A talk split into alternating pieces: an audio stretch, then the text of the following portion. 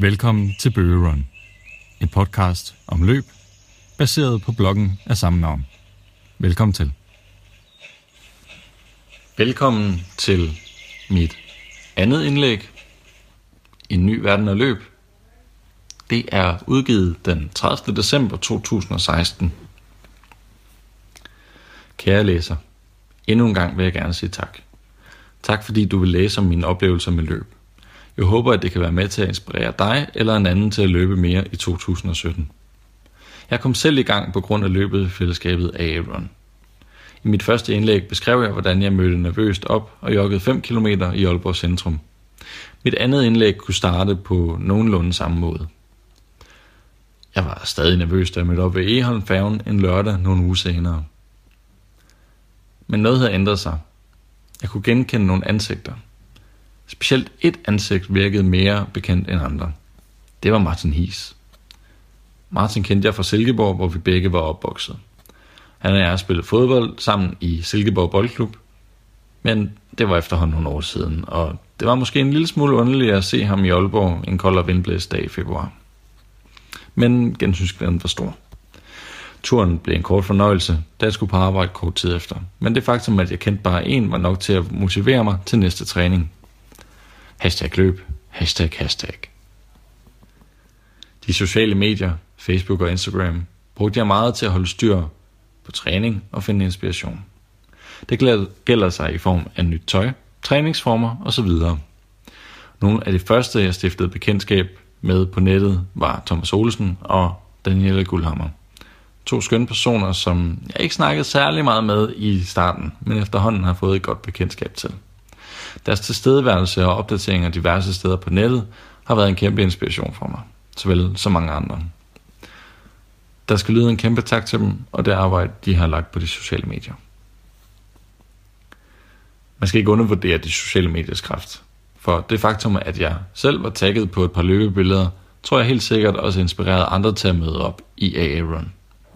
Efter et par gange havde jeg lige pludselig flere venner omkring mig, blandt andet min gode ven Troels Hosbjerg, der ligesom jeg har begyndt at stifte helt nye ven- og bekendtskaber i AA Run. Til træning i februar løb jeg primært 5 km og ganske få ture på 10 km. Tempoet var omkring 5 minutter per kilometer, og jeg kunne ikke presse mig selv mere. Der var simpelthen udsolgt, når jeg kom hjem. Fysiske fremskridt. Men i slutningen af februar begyndte jeg at mærke store fremskridt. Lige pludselig skete der noget i min krop, som gjorde, at jeg kunne løbe meget længere og hurtigere. Jeg husker øh, specielt en tur på 17 km, som på det tidspunkt var den længste tur, jeg nogensinde havde løbet.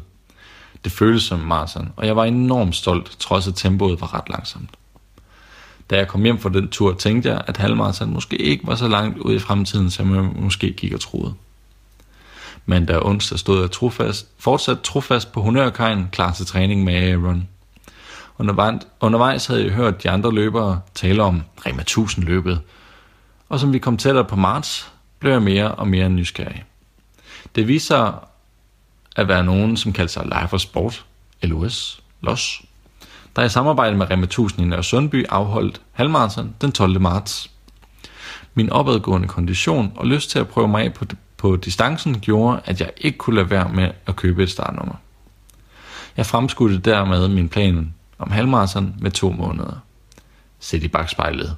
Og helt objektivt var det måske ikke helt sundt. Men jeg følte mig klar, og mavefornemmelsen var god. Udgangspunktet var blot at løbe det, og så var jeg ligeglad med tiden. En uge før jeg løb halvmarathon, løb jeg 8 km med Aaron.